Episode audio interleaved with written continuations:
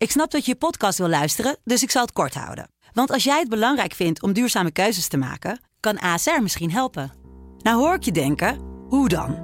Nou, bijvoorbeeld bij het duurzaam herstellen van schade. Of de premies die we beleggen volgens ons duurzaam beleggingsbeleid. Dat bepaalt waar we wel en juist niet in investeren.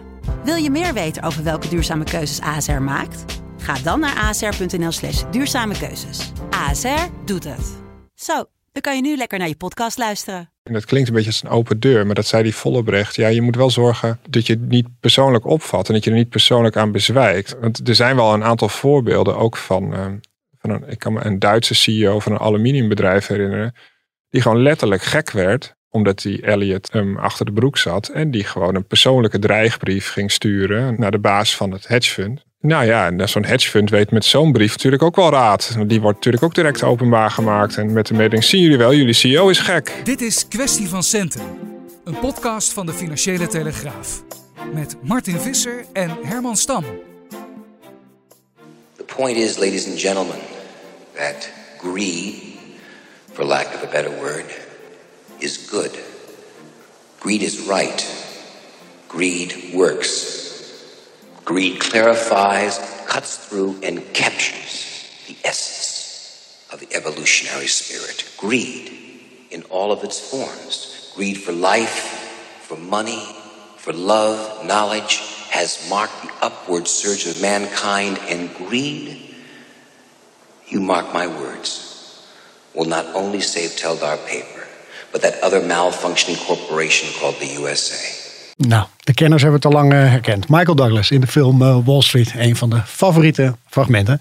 Uh, die Edwin van der Schoot heeft meegebracht. Want het is altijd leuk als onze vriend van de show hier is. Want die brengt dan ook hele leuke geluidsfragmenten mee.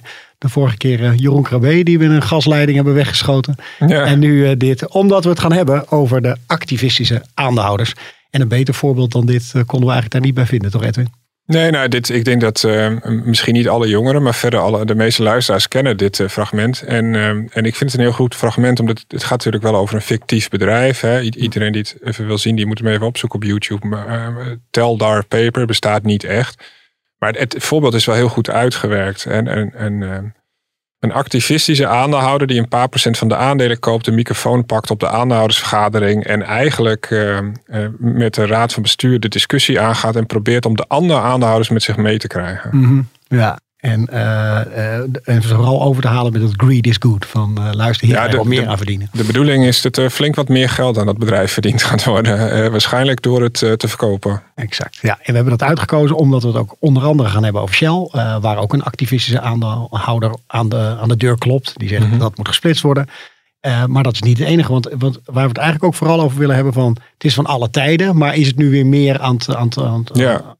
aan de voorgrond aan het treden? Nou, je ziet het af en toe bij fases uh, voorbij komen. En uh, we hadden in um, de periode 2005, 6, 7, 8 hadden we er heel veel last van in Nederland. Mm -hmm. Een paar jaar geleden. En nu zie je weer een aantal uh, bedrijven op de korrel genomen worden. En niet, niet alleen in Nederland, in Amerika gebeurt het nog wat meer. Maar um, het is wel de aanleiding om eens te kijken van... Um, ja, heeft Nederland zijn huiswerk goed gedaan? En, en, en hebben we, is onze wet en regelgeving en onze, zijn onze raden van commissaris en raden van bestuur hier eh, bestand tegen? Moeten we ons zorgen maken en raken we straks weer een hele serie hoofdkantoren kwijt? Ja. De veronderstelling zal een beetje van uh, dat dus per definitie niet goed is. Maar dat is natuurlijk de vraag of het altijd niet goed is. Of, of wijzen de, alle voorbeelden uit het verleden uit dat een activistische aandeelhouder nooit iets realiseert wat misschien ook alleen het mhm. algemeen belang kan zijn. Nee, nee natuurlijk. Een, een, een, actief, een, een aandeelhouder die zijn mond open trekt om opbouwende kritiek te leveren op een raad van bestuur, die dat uh, misschien nodig heeft, is in de basis natuurlijk niet verkeerd. Nee.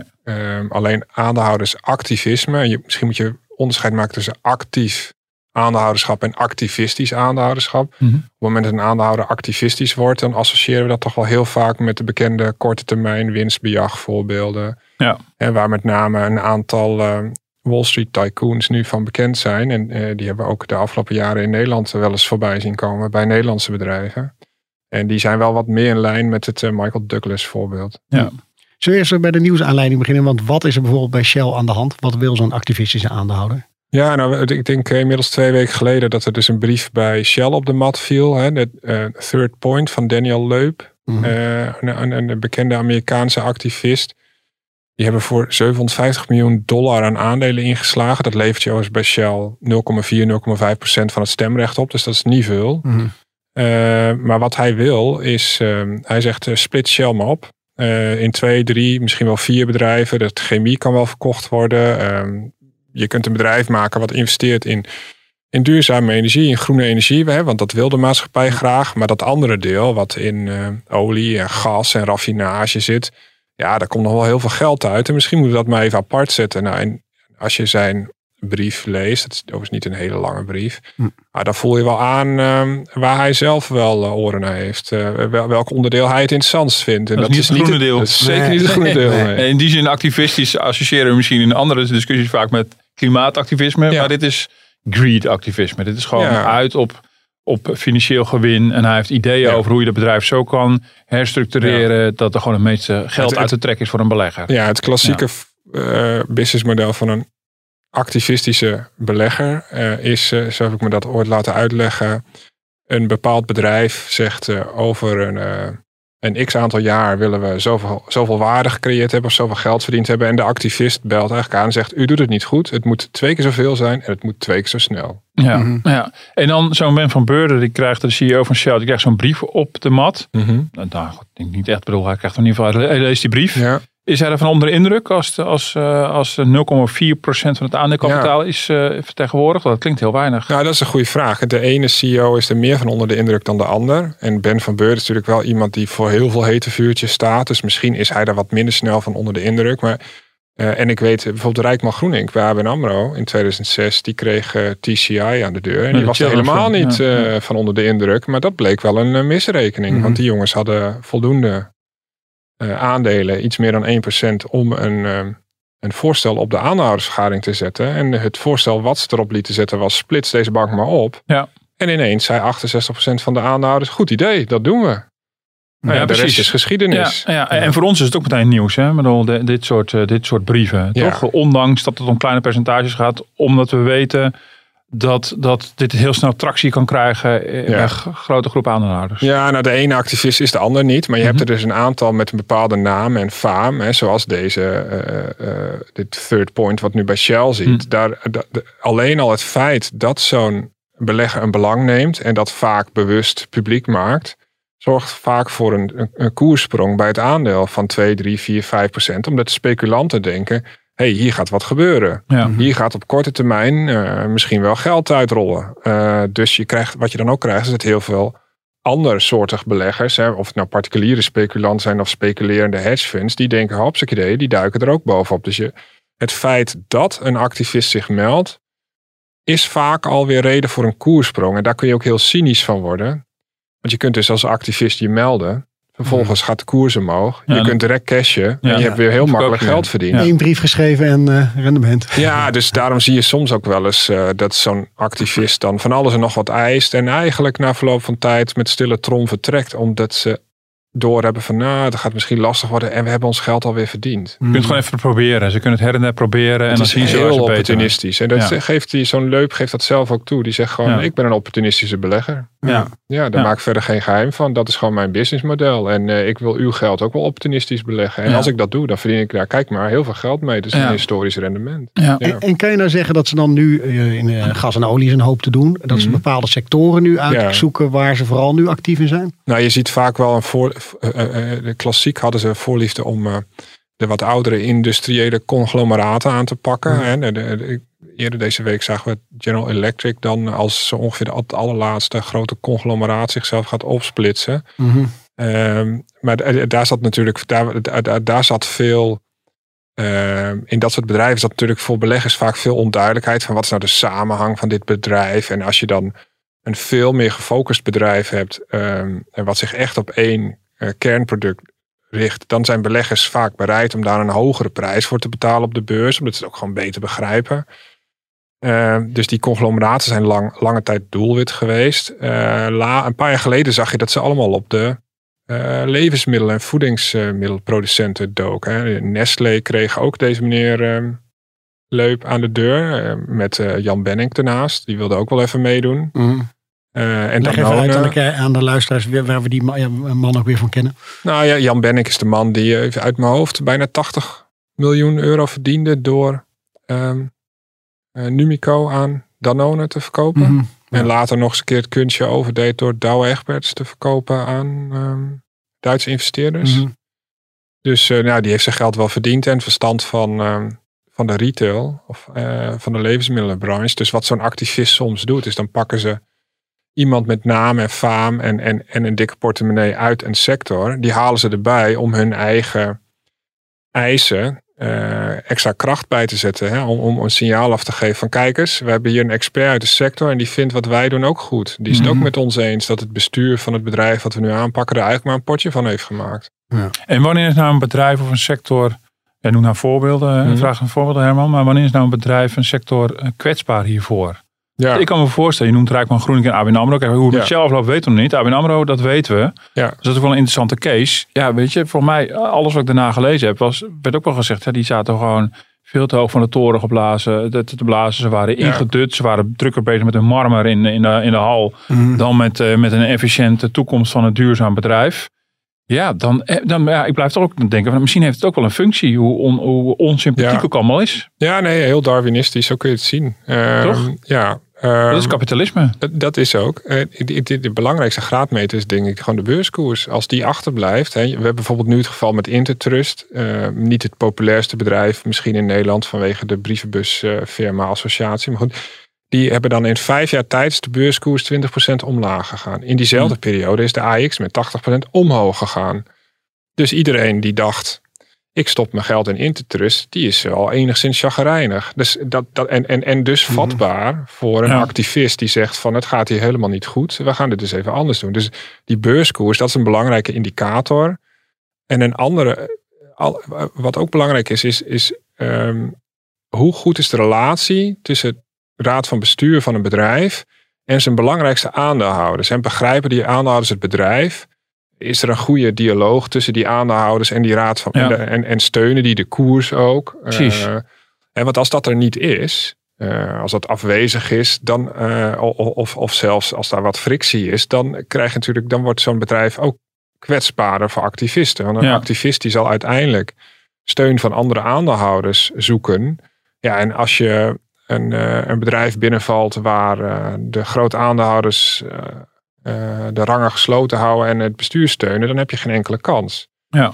Maar als je een bedrijf zoals Shell, wat de afgelopen anderhalf, twee jaar behoorlijk wat eh, mot met zijn aandeelhouders heeft gehad. Want ineens moest het dividend eh, voor twee derde omlaag. Hè, door, door alle corona en, en olie- en gasperikelen. Ehm, vervolgens is er ook nog eens een vonnis van de Nederlandse rechter geweest. Die zegt jullie moeten groener worden. En Shell vindt het dan heel ingewikkeld om daar handen en voeten aan te geven. En een deel van de aandeelhouders achterban zegt dat moet sneller. En een ander deel zegt dat moet langzamer. Of dat moet niet met zoveel geld. Of dat moet met meer geld. Dus er is daar heel veel. ehm, er zijn heel veel aandeelhouders bij Shell die het niet helemaal eens zijn met wat Shell aan het doen is. Dus dat, dat, Mhm. dat is een tweede eh, indicator ding. Dus Ja. de beurskoers en het. ehm, en, en, en hoe zijn de verhoudingen met de grote aandeelhouders? En dat zag je ook bij Axo Nobel in, in 2017. Die, eh, die hadden eigenlijk de relatie met de aandeelhouders totaal verwaarloosd. En toen dook eh, Elliot, de grootste activistische belegger, die dook erop. En die kreeg in no time 25, 30 procent van de aandeelhouders mee. Ja, daarom is natuurlijk de vraag, is de boosdoener die, die, eh, die eh, greed is good brief, brievenschrijver? Of is de boosdoener Ja. degene die aan de touwtjes trok en het jarenlang blijkbaar niet goed genoeg heeft gedaan? Ja, nou nee, waarschijnlijk beide. Hè. De, de een, eh, eh, de, de, de, eh, de, raad van bestuur die zijn, eh, zijn taken veronachtzaamt, die maakt zichzelf kwetsbaar. Je kunt het ook omdraaien. Eh, we hadden het net heel over Philips. Waarom is bij Philips is men altijd bang geweest voor dit soort dingen, maar het is eigenlijk nooit gebeurd.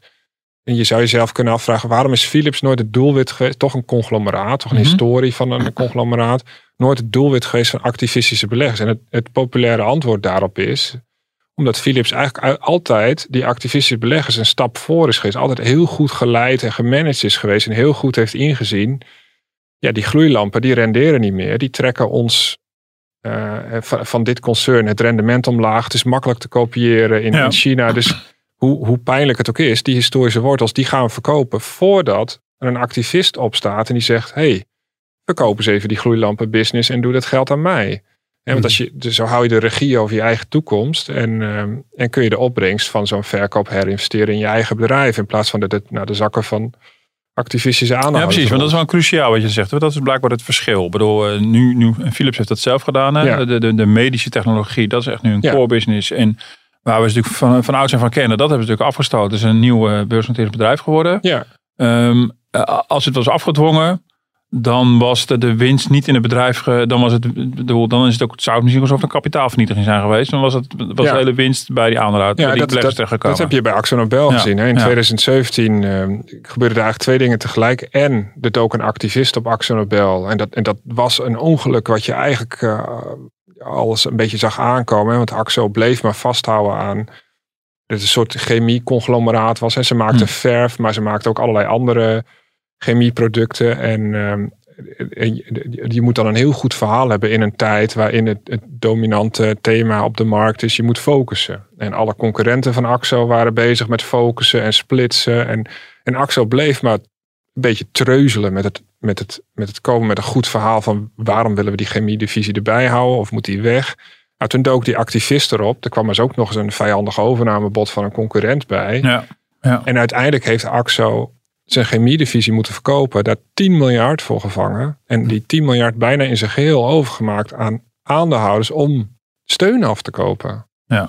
Hè, dus in die zin, eh, de activistische campagne tegen, tegen Axo Nobel door, door Elliot, die wordt bij Elliot intern gezien als zeer succesvol Ja. en Ja. lucratief. Maar je onttrekt dus heel veel eh, kapitaal in zo'n bedrijf. Ja, dat, die 10 Ja. miljard euro, die eh, had Axo Nobel ook in zichzelf kunnen herinvesteren. Op Ja. het moment dat het, dat het eh, succesvol de regie hierover had gehouden. Mm. Hoe doen dat soort bedrijven dat? Hebben ze daar speciale mensen voor in dienst die onder andere contact houden met, eh, met de aandeelhouders Ja. van eh, joh, ben je iets van plan? Of, Nou, ik, ik weet, ik, ik, eh, voor een verhaal in de, in, de, in de krant heb ik Sjoerd Vollebrecht geïnterviewd. Die CEO was van Stork. Toen daar twee activisten opdoken, wat uiteindelijk Mhm. tot de ondergang van Stork leidde. Ehm, en zijn president-commissaris toen was Jan Kalf, eh, de oud topman van ABN AMRO. De voorganger van, eh, van Rijkman Groening. En toen dus even later bij ABN een activist eh, aan de deur stond. Toen eh, kreeg Vollebrecht een verzoekje. Goh, kun je eens even langskomen bij ons op kantoor? Want ja, hoe moet je daar nou mee omgaan met dit soort lui? Wij Mhm. weten dat eigenlijk ook niet. Ehm, dus in die tijd moesten ze het wiel zelf uitvinden. En inmiddels is het wel zo dat je... ehm, eh, je kunt overal geld mee verdienen. Dus je hebt een aantal zakenbanken. En de, de bekendste daarvan is Lazar. Die gewoon... Ja, die hebben dan een groep mensen... Mm. We hebben ze wel eens geïnterviewd in de krant. Die zijn bijvoorbeeld ingehuurd door Axel Nobel. En die hebben dan echt een schema van...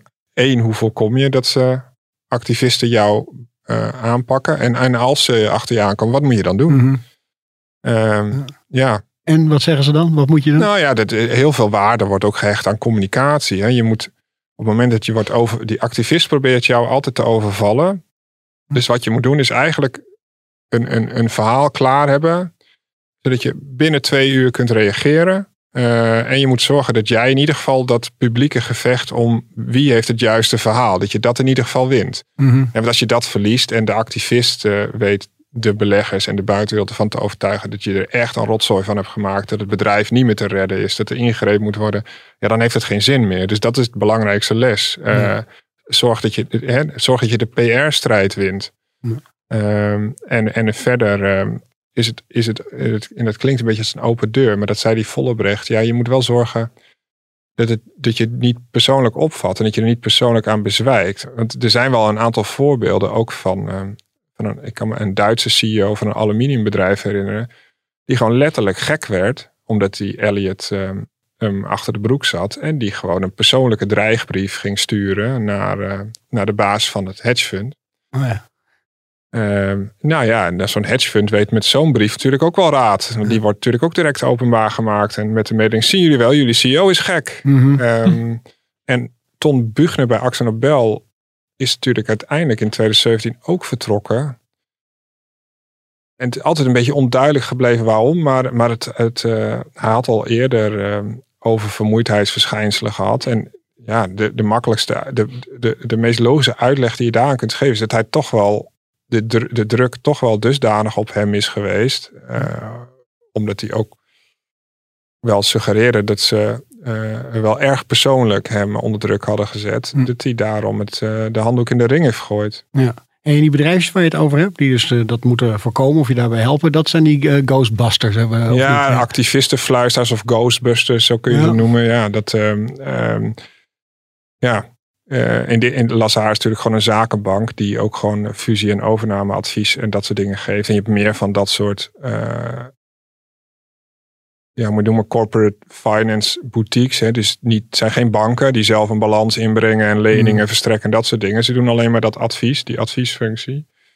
Ja, die laten zich graag eh, voor de hoofdprijs inhuren om eh, de raad van bestuur te helpen om eh, de boel te verdedigen en te voorkomen dat dit niet nog een keer gebeurt. Ja. En is het voor jou makkelijk om contact te zoeken, ook met, eh, je noemt een paar namen, Ja. die altijd een beetje een soort mysterieuze gloed omheen Ja. zitten. Van, oh, Elliot. En dan nog iedereen Ja. een beetje half te trillen. Maar kan je daar makkelijk mee in contact ook komen? Nou, die activisten die zorgen wel dat je ze kunt vinden hoor. Dit is het, het, het, eh, ehm, iedereen die wil weten wat, er wat bijvoorbeeld, eh, Just Eat Takeaway van Jitse Groen heeft nu ook eh, flink mod met, met twee aandeelhouders. Nou, Mhm. er is gewoon een website en de naam daarvan is dan wel weer grappig. Just Eat, Just Eat Takeaway mustdeliver.com. Ja, ja, met, met een slogan te Maar goed, spelen. dat soort- ja, dat soort websites bouwen ze dan. En dan krijg je gewoon een belletje de avond van tevoren van, een, van iemand van zo'n fonds of van een advocaat die zegt van hey, heb je deze website al gezien? Ja, nee, natuurlijk niet. Eh, maar goed, dat en, en, ehm, En ze twitteren er ook volgens mij aardig op los, toch? Eh, ja, nee, ze, kijk, zij zorgen ervoor dat het- PR is eh, bij hun een waar. Het gaat niet achter de schermen. Als je een als je, als je heimelijk een overnamebod doet, als je een private equity firma of een, of, een, of een concurrent van iemand bent en je wilt iemand, dan probeer je achter de schermen die dingen te doen en dan probeer je de media er buiten te houden. Maar dit wordt juist via de Mhm. publieke bühne uitgevochten, zo'n gevecht. Dus eh, nodigen jullie ook uit eh, voor, Oh, de, ko- zeker. voor de kopjes eh, Ja, koffie eh, ja. om bij te praten. Ja. Ja. Ja. Is dit, ehm, ik zat te denken, van, is dit op een manier vergelijkbaar met wat er, wat er vaak speelt rondom vijandige overnames? Dat je door een partij van buiten eh, ja, eigenlijk ge- ja, of wordt opgeslokt, of in dit geval door een, kle- een kleinere aandeelhouder gewoon gedwongen Ja. wordt van een andere koers. Ja. Een beetje ver- vergelijkbare mechanismen, heb ik de indruk. Ja, en het is, is- heel, heel veel mensen eh, hebben het ook vaak. Barbarians at the Gate is ook zo'n bekende film, bekend boek. eh, Een kreet die vaak gebruikt wordt in, in, op het moment dat een bedrijf belaagd wordt. Eigenlijk zag je in de jaren tachtig een beetje dat ontstaan van dat private equity model van investeringsfonds.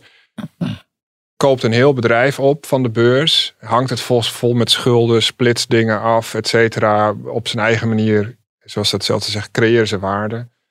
Ehm, voor zichzelf. en, en, en, en, en, en het nadeel van het private equity model is dat het heel lang duurt. En je, je, je leent vaak, eh, je krijgt vaak geld bijvoorbeeld van pensioenfondsen voor een periode van 10 jaar. En in die 10 jaar moet je een x aantal bedrijven kopen. Moet je verplicht jezelf ook nog eens tot een torenhoog rendement van vaak 20 dus je, zit eigenlijk gewoon tien jaar lang ben je keihard aan het werk. En het kan nog steeds fout gaan. Want Ja. eh, met private equity gebeuren best wel veel ongelukken. Ja.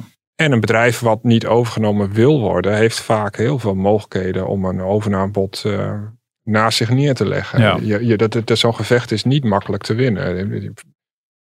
Alsof je een kasteel eh, probeert binnen te komen. In de regels zijn de Ja. verdedigers in het voordeel. Ja. Wat je dus doet als je een activist bent, ja, dan koop je een handvol Een aandelen. Ja. Dan ben je eigenlijk al binnen. Ja. Mhm. Je gaat ook niet een premie, een overnamepremie, hoef je ook niet op tafel te leggen. Want je bent er helemaal niet op uit om dat hele bedrijf over te nemen. Je probeert gewoon de boel van binnenuit. eh Ja, een en is dat makkelijker. En, en wat je zei, en als het mislukt, dan trek je je terug en dan probeer je het elders Je- nog een keer. Ja, Ja. exact. En het is, je Ja. hoeft ook niet tien jaar daarmee bezig Ja. te zijn. Het is gewoon een Ja. kwestie van eh, niet geschoten. Nou ja, dan gaan we wel weer ergens anders heen. Het is allemaal een stuk Ja. makkelijker. Maar ik kan me wel voorstellen dat de regels ook in Nederland, natuurlijk in de loop van de jaren, ook voor, voor beide situaties, zijn meebewogen met de tijdgeest. Hè? Waardoor we hebben het voor mij Ja. in Nederland in zijn corporate governance en in zijn al zijn regels Ja, ook wel periodes gehad dat we als we helemaal op slot zaten, zeg maar. ja, En toen was het een open uitnodiging naar de aandeelhouders. Moesten zich veel actiever mengen. Er moest druk komen op die CEO's. ja. En ik kan me voorstellen dat die regels voor die vijandige overnames en de, de, ja, en de mate waarin je als hele kleine aandeelhouder al, al zeggenschap kan hebben,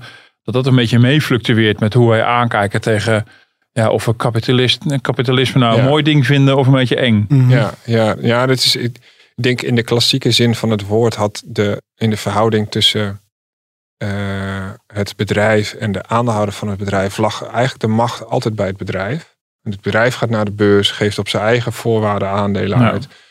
En de aandeelhouder die heeft het nakijken als er ineens in de boeken gerommeld is. En die is gewoon zijn centen kwijt als die pech heeft. Dat, dat is een beetje hoe het eigenlijk in de jaren 80, 90... We hebben allemaal een bepaalde associatie bij bijvoorbeeld de beursgang van World Online... die hier redelijk bij in de buurt komt. Mm.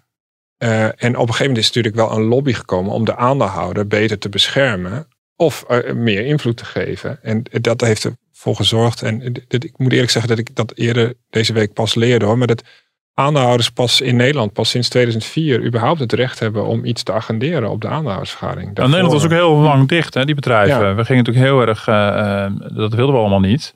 Ja. Met als risico. Dus daarom benadruk ik ook af en toe het positieve, zeg maar. ja ja, weet je, dat, daar, daar haal je ook dynamiek eruit. Zeg maar. nee, er werd ook gesproken in de jaren negentig over de Dutch discount. Want er waren allemaal beschermingsconstructies en iedereen had in zijn statuten allerlei extra opties. En ja. Uh, nou ja, als mm. aandeelhouder was je eigenlijk uh, kansloos als je een conflict had met een raad van bestuur. En dan heb je een Old Boys Network die op een manier heel veel zeggenschap heeft over tal van bedrijven naar posities doorschuift en met elkaar super tevreden is. Ja. Maar niet per se de, de, de beste bedrijvigheid in het land. Ja, nee, ik denk nou, heel erg economisch. Ze, als... ze, ze, hebben dan niet per se de. Uh, en want we, we, willen natuurlijk dat het, het, Uiteindelijk zijn de aandeelhouders de eigenaren van het bedrijf. En het bestuur is in dienst van de aandeelhouder. En moet dus voor de aandeelhouder waarde creëren. En, en, en niet alleen voor de aandeelhouder, vinden we dan in Nederland ook voor de werknemers en de hele maatschappij. Maar goed, het, het bestuur is niet. Het zijn geen ondernemers die dat bedrijf zelf hebben opgebouwd. Ze zijn gewoon in dienst van de onderneming en zijn aandeelhouders. En Um, uh, wat je wel heel erg had,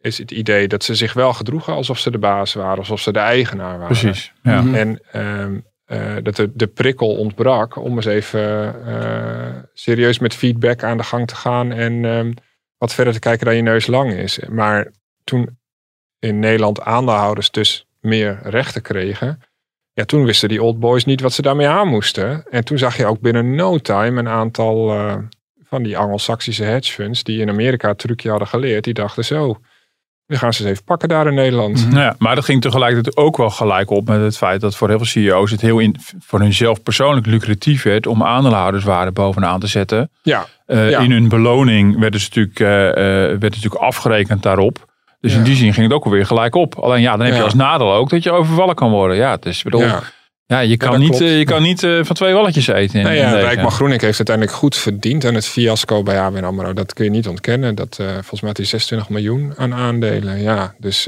ik, aan de andere kant, je gaat wel de boeken in als de CEO die het licht uitdeed. Of die zich het kaas van het brood heeft laten eten.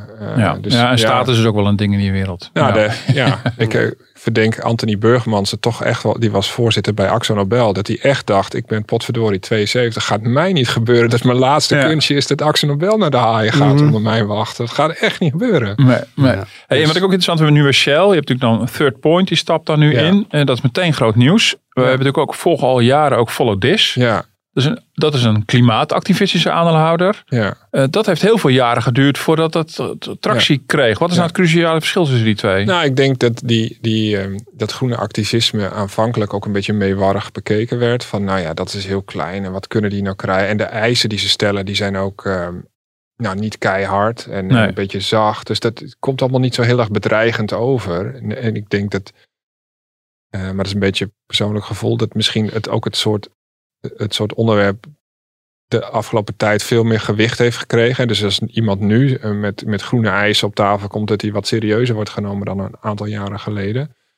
Maar Follow This wil uiteindelijk natuurlijk van Shell iets wat, zeg ik even, minder ingrijpend is dan wat die meneer Leup wil. En die meneer Leup heeft natuurlijk een track record. Uh, die heeft een spoor van um, creatieve zeggen? destructie noemen we dat in de economie. Inderdaad, een spoor van creatieve destructie achtergelaten. En, en, en Follow This uh, kun je een heel sympathiek uh, initiatief vinden. Maar het is vooral een, ook een grensverleggend initiatief nog. Hè. Die hebben nog niet wat dat betreft een track record. Um, hm. Maar ook voor Follow This geldt als die uiteindelijk... Uh, want Shell is natuurlijk een beetje een vreemde eend in dit verhaal... omdat het officieel een Brits bedrijf is. Voor Follow This geldt uiteindelijk ook... als zij erin slagen om 75% van de aanhoudersvergadering van Shell met zich mee te krijgen en ze, hebben hun, en ze formuleren hun resolutie dwingend genoeg, dan moet het bestuur van Shell volgens de Engelse beursregels uitvoering geven aan die, beursre aan, aan, aan die resolutie. Dus, hm. um, en ik heb altijd wel gemerkt dat ze bij Shell uh, Follow This wel redelijk serieus nemen. Uh, Inmiddels, of van begin nou, af aan al? Er is een verschil tussen volgens mij hoe ze dat intern doen. En, en Van Beurden heeft een aantal jaar geleden daar wel eens wat over gezegd. Dat iedereen een beetje zo dacht van, maar je neemt het zo serieus, nemen ze het dan niet. Hm. Uh, het is een verschil tussen hoe serieus Shell ze dingen intern neemt en, uh, en uh, hoe ze er publiek over gesproken hebben. Maar de, bij de Hm. laatste aanhoudersvergadering van Shell heeft dat Follow This 30% van de stemmen meegekregen. Nou, je moet er volgens de Britse beursregels 75% hebben. Maar ja, als je elk jaar stappen van 6, 7, 8% erbij krijgt. En tegenstemmers als ABP stappen uit. Ja. Ja. Dan, uh, uh, uh, ja, dan komt op een gegeven moment die 65% misschien vanzelf al in beeld. Maar zou Shell nou beter beschermd zijn als in Nederland genoteerd Ja, veel beter. Ja. En dat is ook exact, want Shell en Unilever zaten in hetzelfde... Uh, hoe zeg je dat nou? In hetzelfde schuitje. Schuitje, schuitje, ja. ja, Dat is hetzelfde. Paul Polman per se Unilever uit die Brits-Nederlandse Mhm. structuur wilde halen en onder de Nederlandse vlag wilde krijgen. Want in Nederland is een bedrijf veel beter beschermd dan in Engeland. In Mhm. Engeland, als je daar een vijandig overnamebod voor je kiezen krijgt, dan ben je verplicht om met uh, degene die dat doet te gaan praten. In Nederland mag je gewoon uh, de deur dicht doen en zeggen toedeledokie, dit is niet in ons belang. Mhm. En dat kun je volhouden zolang je wil. Dus, uh, en in, in Engeland heb je bijvoorbeeld, nou, het is een beetje off topic, maar je mag niet zoveel klooien met aandelen. Dus je hebt gewoon één aandeel is één stem. In Nederland kun je daar allerlei rare Mhm. constructies mee doen. We hebben beschermingsstichtingen en zo. Dus in, en, en we hebben um, sinds 1 mei van dit jaar de wet... Um, ja, wij noemden het de wet Wakkie, maar dan wordt Ja. Peter Wakkie altijd een beetje geïrriteerd. Oh, dan noemen we het toch nog even.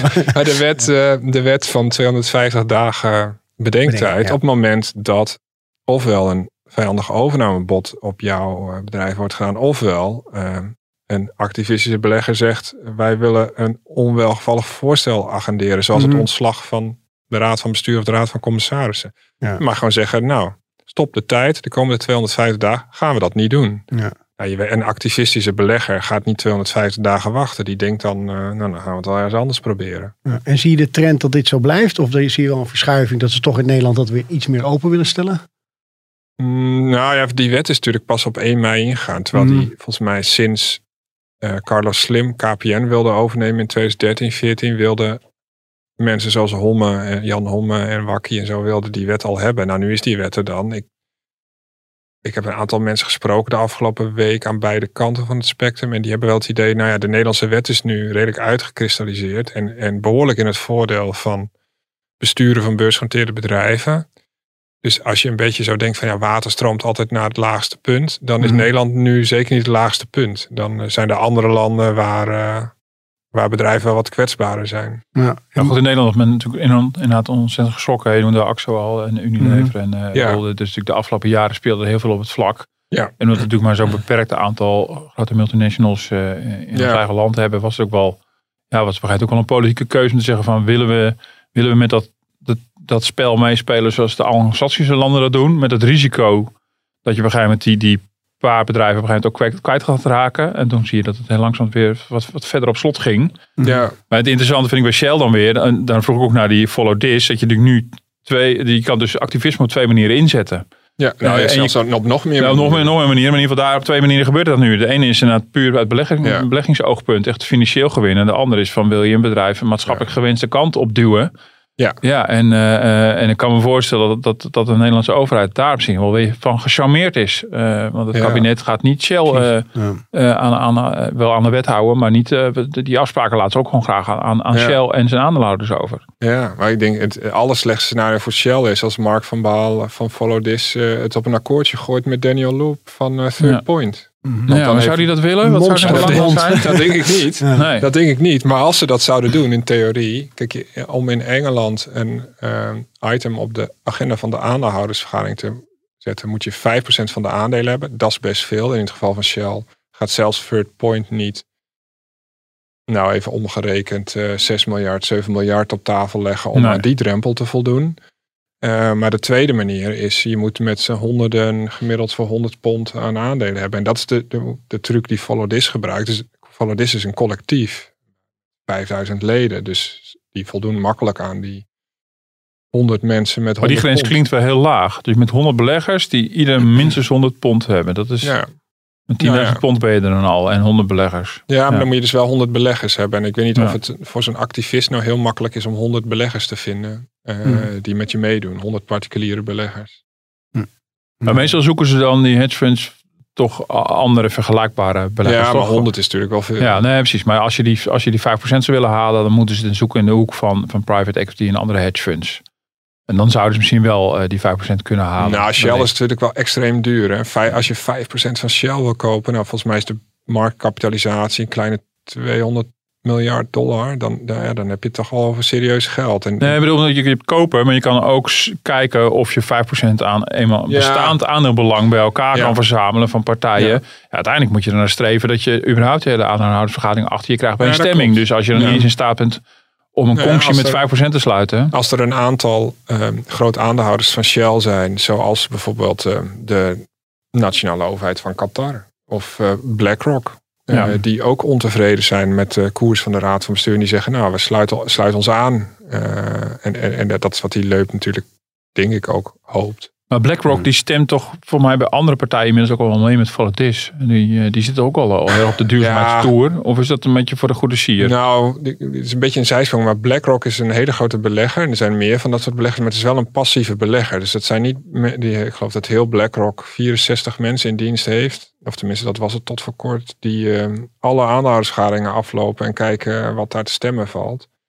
Eh, dus het, het, eh, de betrokkenheid van BlackRock moet je denk nooit overschatten. En dat is niet de betrokkenheid van een passieve investeerder. Moet, moet je denk ik niet overschatten. Maar dat is ook wel heel raar eigenlijk tegelijkertijd. Hè? Dus dan kan dus een hele kleine partij, zo'n kleine hedge fund, heel veel invloed hebben. Ja. En dan heb je dus gigantisch grote financiële partijen die dan relatief weinig gebruik maken van de Ja, maar, macht je, die ze hebben. ja, maar stel je bent, je bent een grote passieve belegger eh, en je belegt een, eh, namens een groep particulieren of eh, namens pensioenfondsen beleg je geld in de AX-index.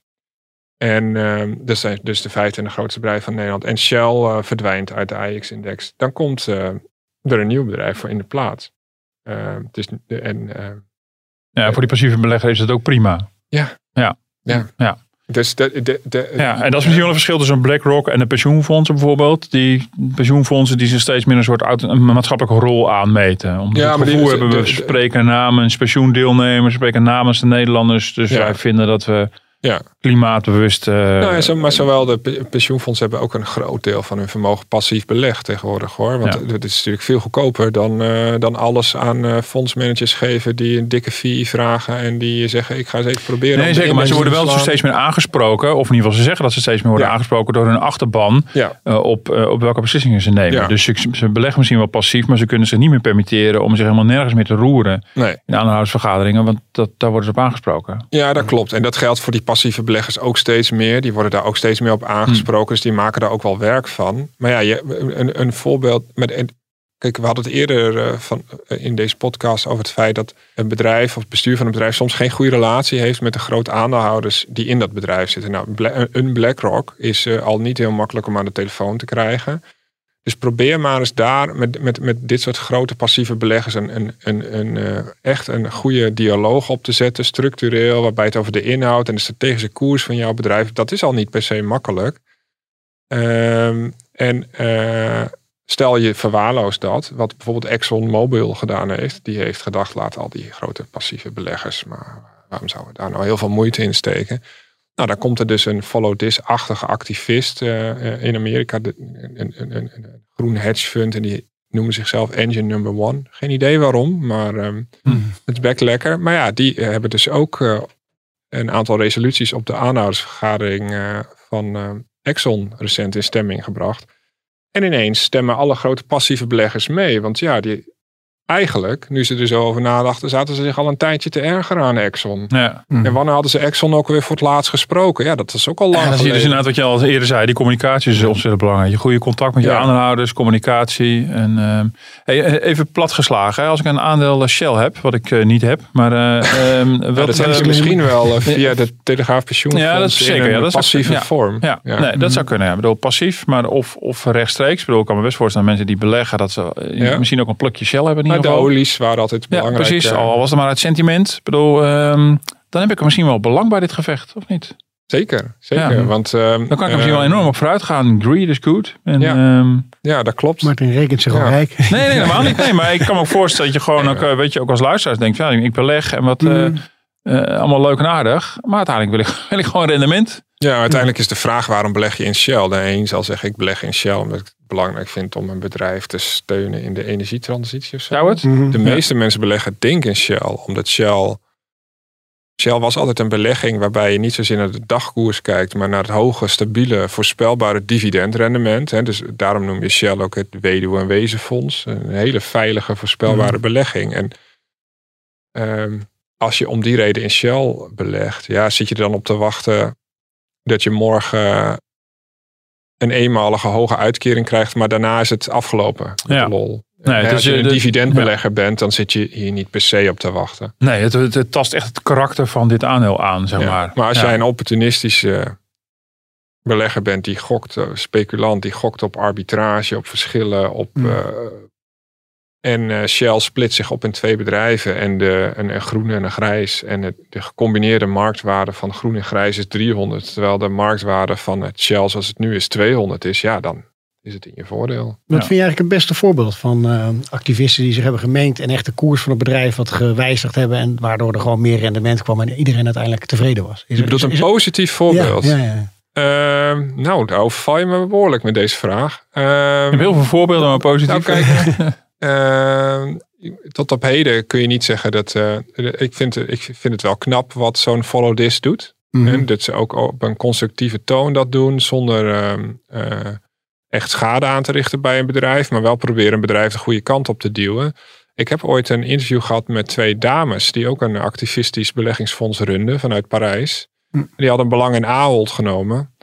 Ja, die vonden dat Ahold sowieso maar een mannenbolwerk was. Uh, maar ze vonden ook wel dat de uh, beschermingsconstructie van Ahold, die kon ook wel weg. Maar die, die hadden dus veel meer een, um, ik zit even te denken hoe dat fonds heet, Siam heette dat volgens mij. Goed, dat waren alleen maar vrouwen, activistische uh, vrouwenfonds die heel erg bezig waren met goed bedrijfsbestuur. En niet zozeer met korte termijn financieel gewin. Of ze uiteindelijk heel veel succes hebben gehad bij Ahold, dat betwijfel ik van die beschermingsstichting. Albert Heijn Nederland heeft een, een, een Nederlandse topvrouw inmiddels. Ja, maar de beschermingsstichting van Ahold, die, stond, die lag in de vuurlinie een paar jaar geleden. En activisten wilden dat wel weg hebben, maar mm -hmm. uiteindelijk is die gewoon gebleven. Um, ja, ook bij Ahold was natuurlijk uh, van de FNV met Young United. Op een gegeven moment hebben ze een vakkenvuller, was daar aandeelhouder. En die heeft er toch wel een mooie ja. sier kunnen maken met, uh, over, het, uh, ja, ja, over, over de het, lage betaling, over het minimumloon. Dat heeft ook de politiek in beweging gezet over het jeugd, uh, jeugdloon. Maar goed, dat zijn inderdaad allerlei andere vormen van activisme. Maar ja, je hebt zelf al bijvoorbeeld Philips genoemd. Is het nou een slechte zaak dat Philips wetende dat dit ze kan overkomen, op een gegeven hele rigoureuze beslissingen heeft genomen? Of is Philips echt slechter geworden door dat allemaal in stukken te knippen? Nee, ik denk dat Philips er niet slechter door is geworden. Je zou kunnen zeggen, ja, maar als Philips ASML niet had verkocht, dan was Philips nu enorm groot geweest. Ja. Maar ja, wiens belang is dat? Ja, van die CEO die het leuk vindt uh, voor de status dat hij uh, zo'n enorm bedrijf eh, onder zich heeft. Maar, ja. ja, nou ja, nee, ja, precies. Dus ik denk dat Philips het goed gedaan heeft. En, uh, en, en ik denk niet dat zij alleen maar gedreven zijn door, door angst om de regie over je eigen uh, strategische bestemming te verliezen.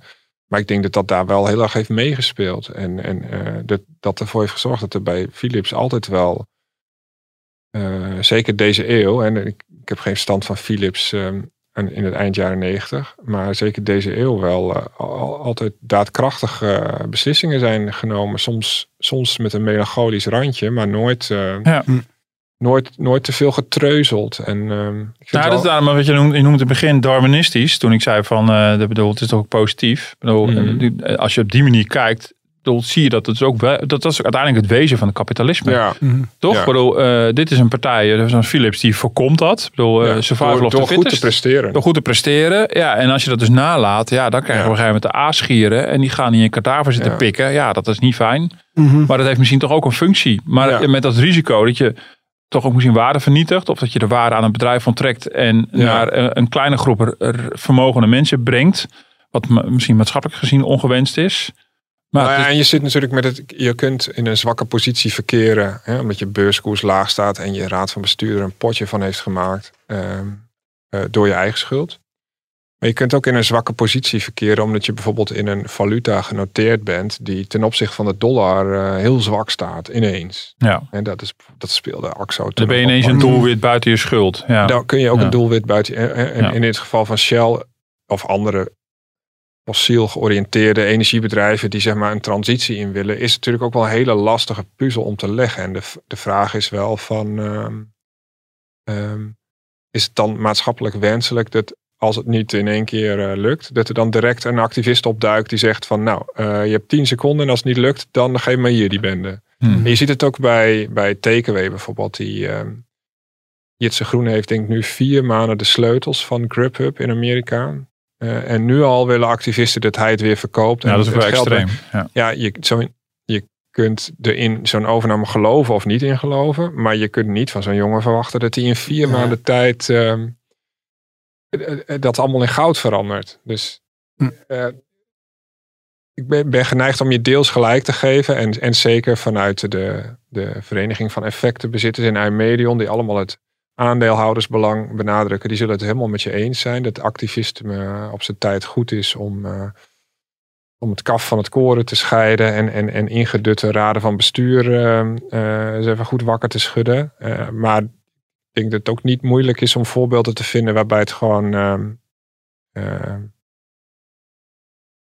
zo zeggen, waarbij een bedrijf buiten zijn eigen schuld in zo'n ehm, gevecht belandt. En dan Maar dan mag je het ook wel- verwachten. Ik bedoel, als zo'n Jitse Groen als voorbeeld. Inderdaad, dat, dat klinkt dan heel extreem natuurlijk. Een, een net gerealiseerde eh, overname. Ja. En dan nu al eh eh, eh, doelwit en prooi. Ja. Als hij gewoon een verrekt goed verhaal heeft. Dan, dan is het Goed toch gewoon klaar. Nou, ik kan er twee dingen over zeggen. Kijk, de beurskoers van zijn bedrijf is afgelopen jaar 35% omlaag gegaan. Dus dat goede verhaal, eh, dat heeft die eh, niet helemaal.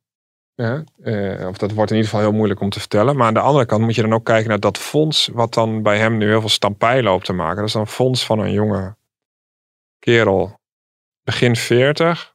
Is een paar jaar geleden voor zichzelf begonnen. Is opgeleid door een van de jaren 90 goeroes op Wall Street. Heeft dus zijn eerste beleggingsfonds zelf, waarbij hij ook geld bij andere mensen heeft opgehaald, ongeveer een miljard dollar.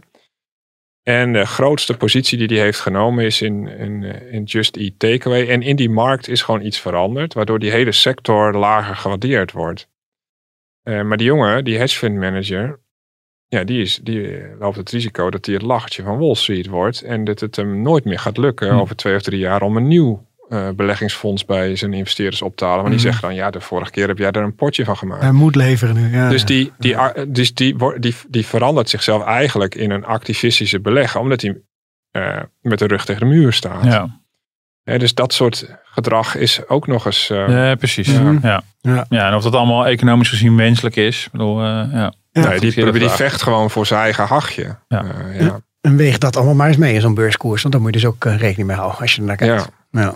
Hey, eh, tot slot, eh, je hebt vast nog een, eh, een tip van de week. Waar gaan de aasgieren zich nu eh, melden? Waar vliegen ze? Waar, waar Nou, nou, ze wat naar? heel interessant is, we nemen deze podcast op, eh, op vrijdag op. En ehm, eh, we hebben het heel even over Intertrust gehad. Maar vanochtend, eh, en Intertrust heeft eerder deze week een brief op de mat gekregen van een activist die zei: ja, we zijn er helemaal klaar mee. Ontslaan die raad van commissarissen en verkopen het bedrijf. Mhm. Nou, die werden op een wenken bediend. Want vanochtend kwam er een persbericht dat er een overnamebod op eh, Intertrust ligt. Ehm, dus ehm, dat is een interessante zaak om de komende dagen of weken te gaan volgen. En verder, we kunnen natuurlijk geen beleggingsadvies geven, maar ik zou denken, ja, welk bedrijf is er nou zwaar ondergewaardeerd op de beurs? Heeft misschien ehm, nog wat, eh, wat, wat problemen uit het verleden? Waar, waar, waar zou je kunnen zeggen, dit bedrijf moet worden opgesplitst? Nou, bent u dat bedrijf, dan eh, zou ik huiswerk jezelf gaan doen. klaar. Ik denk, die Eh, er de, Ghostbusters. Ja. Hartstikke goed. Dankjewel eh, Edwin. En ik eh, zou ook zeker mensen aanraden om het verhaal in onze zaterdagkrant eh, te lezen. Wat je, waar je natuurlijk ook hierover schrijft. En ook al die verschillende poppetjes in deze wereld goed behandeld. Dat is ook leuk om te lezen. Martin, jij ook bedankt. Tegen de luisteraars zeg ik, mail ons nog steeds op podcast.dft.nl. En